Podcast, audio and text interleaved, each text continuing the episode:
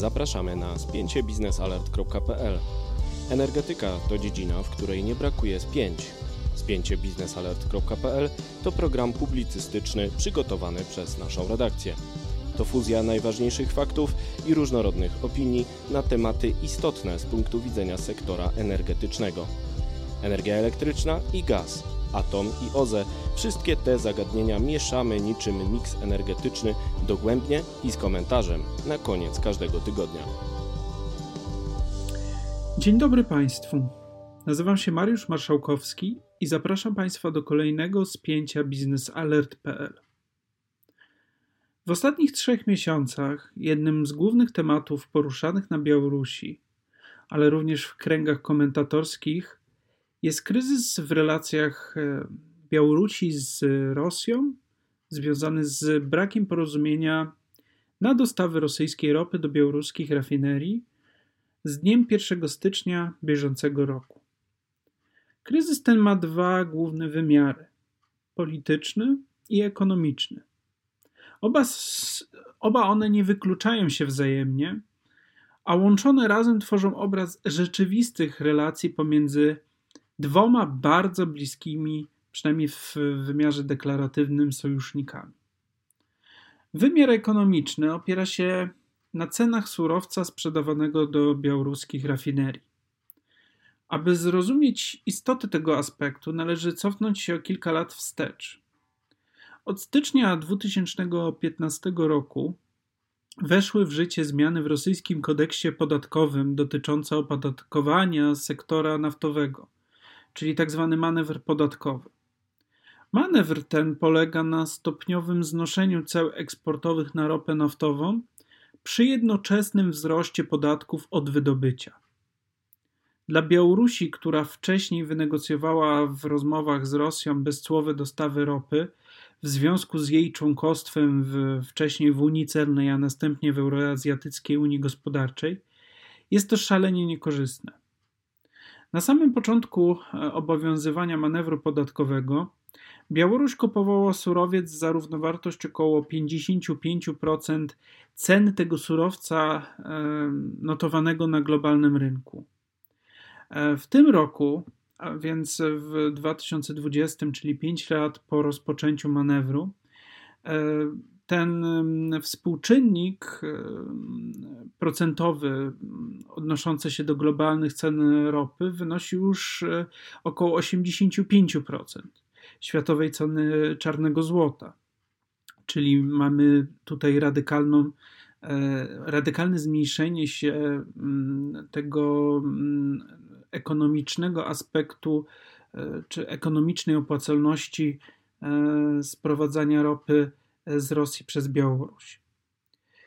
Aby zrozumieć skalę, w jakim przerób ropy, mm, jaki wpływ na białoruską gospodarkę ma przerób ropy, trzeba rzucić okiem, mm, jak udział ropy, przerobu ropy naftowym ma się w ogólnym udziale białoruskiego eksportu, który ten przerób dodaje około 5 miliardów dolarów rocznie, co stanowi około 20-25% całości wyeksportowanych dóbr poza terytorium Białorusi. Drugim z tych aspektów jest wymiar polityczny, czy czynnik polityczny. Rosjanie od 2018 roku rozpoczęli naciski na Białoruś w sprawie tzw. Tak pogłębienia integracji Białorusi i Rosji. Jest to wypadkowo powołania pod koniec XX wieku, w 1990 roku. Tak Związku Białorusi i Rosji. Rosjanom zależy na głębszej integracji zarówno ze względów prestiżowych, ale również ekonomicznych i politycznych. W ostatnich latach uznano na Kremlu, że nie ma możliwości dalszego substydiowania Białorusi, która nie wykazywała się odpowiednią lojalnością względem Moskwy. Nie uznała oficjalnie aneksji Krymu, nie stanowiła wspólnego frontu w konfrontacji z Zachodem podczas tego najbardziej, najbardziej dynamicznego okresu, czyli e, od 2014 do 2016 roku. Pozwalała na omijanie antyzachodnich e, sankcji, czyli mm, co na przykład objawiało się również w dość osobliwymi przykładami jak eksport z Białorusi do Rosji ananasów, awokado czy też ryb e, słonowodnych jako towary białoruskie. Dodatkowo Łukaszenka nie zezwolił na bazowanie rosyjskiego pułku myśliwców na terenie Białorusi w odpowiedzi na zaangażowanie mm, sił NATO w regionie Europy Środkowo-Wschodniej. Wszystkie te elementy spowodowały, że rozpoczęto szukania rozwiązania, które zmusi Białoruś do bardziej uległej pozycji względem Rosji i przystanie na ofertę stanowienia jednego, wspólnego i zintegrowanego państwa ze wspólną walutą, rządem, systemem fiskalnym i sądowniczym. Warto zaznaczyć, że na polu militarnym Białoruś i Rosja są od dawna bardzo mm, połączone, choćby poprzez instalację mm, wojskowych systemów komunikacji z okrętami podwodnymi należących do, formalnie do rosyjskiej marynarki wojennej, czy też bazy radarowej. Funkcjonuje również wspólny obszar e, kontroli przestrzeni powietrznej, który jest bardzo istotny dla Rosji przy planach defensywnych związanych z zachodnim okręgiem wojskowym czy obroną Moskwy jako e, miasta stołecznego. Jednak powracając do kwestii energetycznych, Rosjanie uzależniają kontynuację subsydiowania Białorusi tylko w przypadku zgody Mińska na ową integrację. Łukaszenka jednak nie chce stać się gubernatorem kolejnego kraju wewnątrz składu Federacji Rosyjskiej. Łukaszenko, przyparty do muru, e, wstrzymaniem od 1 stycznia bieżącego roku dostaw ropy do dwóch białoruskich rafinerii w Mozyżu i Nowopołocku, rozpoczął gorączkowe poszukiwania alternatyw do ropy rosyjskiej. Według planów białoruskiego koncernu Bielnaftahimu białoruskie rafinerie miały przetworzyć w bieżącym roku około 24 milionów ton surowca. Według danych z początku marca dostawy ropy na Białoruś z Rosji zmniejszyły się o ponad 76%. Obecnie dostawy ropy są realizowane jedynie przy, przez należącą do rosyjskiego oligarchy grupę Safmar – jednak sam wolumen dostaw jest wystarczający jedynie do zaspokojenia potrzeb wewnętrznych państwa białoruskiego. Nie ma mowy o prowadzeniu eksportu, co miało miejsce dotychczas i co przynosiło dochód w postaci twardej waluty dolarów bądź euro zarabianych właśnie na, na handlu produktami e, ropopochodnymi. Możliwość dywersyfikacji dostaw ropy na Białoruś są jednak ograniczone ze względów e, na kwestie techniczne. Białoruś pod rządami Aleksandra Łukaszenki nie realizowała żadnych inwestycji pozwalających na realną alternatywę dla dostaw ropy z Rosji.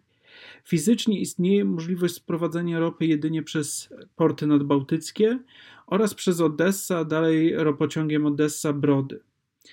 Takie dostawy są jednak ze względów logistycznych znacznie droższe niż te, które mogłyby być realizowane przez system rurociągowy.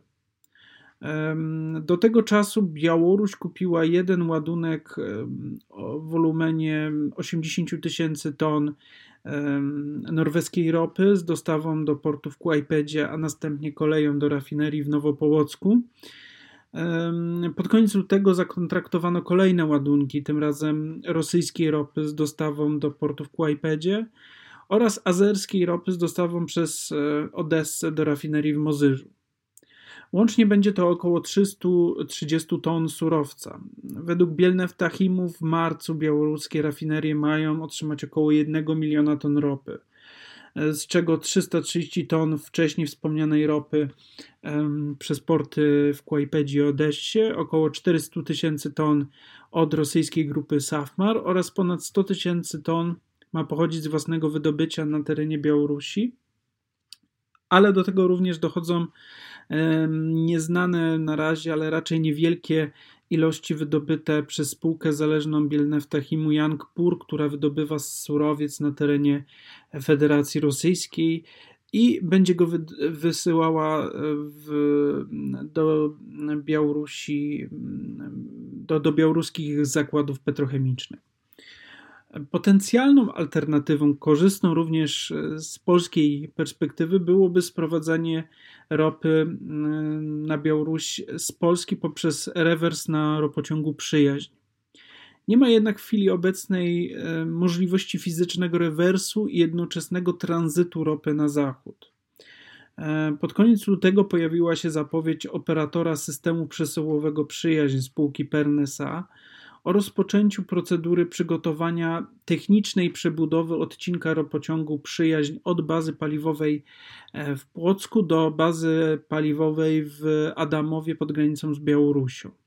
Taka przebudowa pozwoliłaby na fizyczne odwrócenie przypływu ropy z zachodu na wschód bez negatywnego wpływu na tranzyt rosyjskiej ropy do polskich czy niemieckich rafinerii.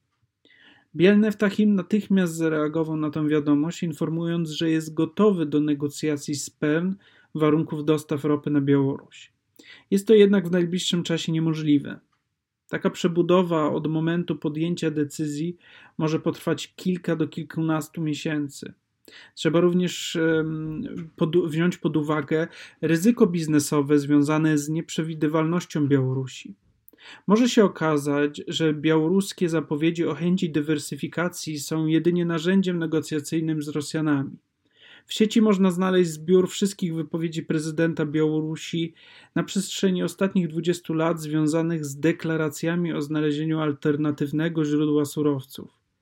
Czy obecne wypowiedzi również wpiszą się w ten rejestr? Wydaje się, że nie, bo sprawa jest już zbyt poważna, a perspektywy dla Białorusi z roku na rok coraz gorsze. Manewr podatkowy ostatecznie zakończy się w 2024 roku.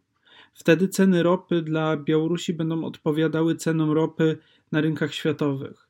Efekty rzeczywistych kroków będzie jednak można zobaczyć dopiero za kilka lat. E, oczywiście kroków związanych z dywersyfikacją. O ile nie dojdzie do szerszych zmian politycznych albo w Rosji, albo to na Białorusi.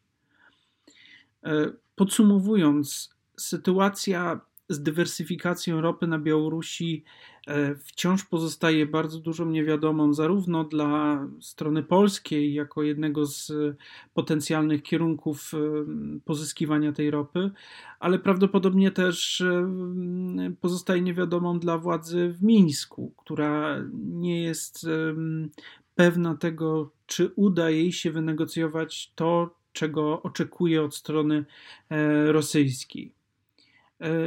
Dziękuję Państwu serdecznie za wysłuchanie kolejnego spięcia Business Alert. Zapraszam do pozostałych podcastów realizowanych przez redakcję naszego portalu.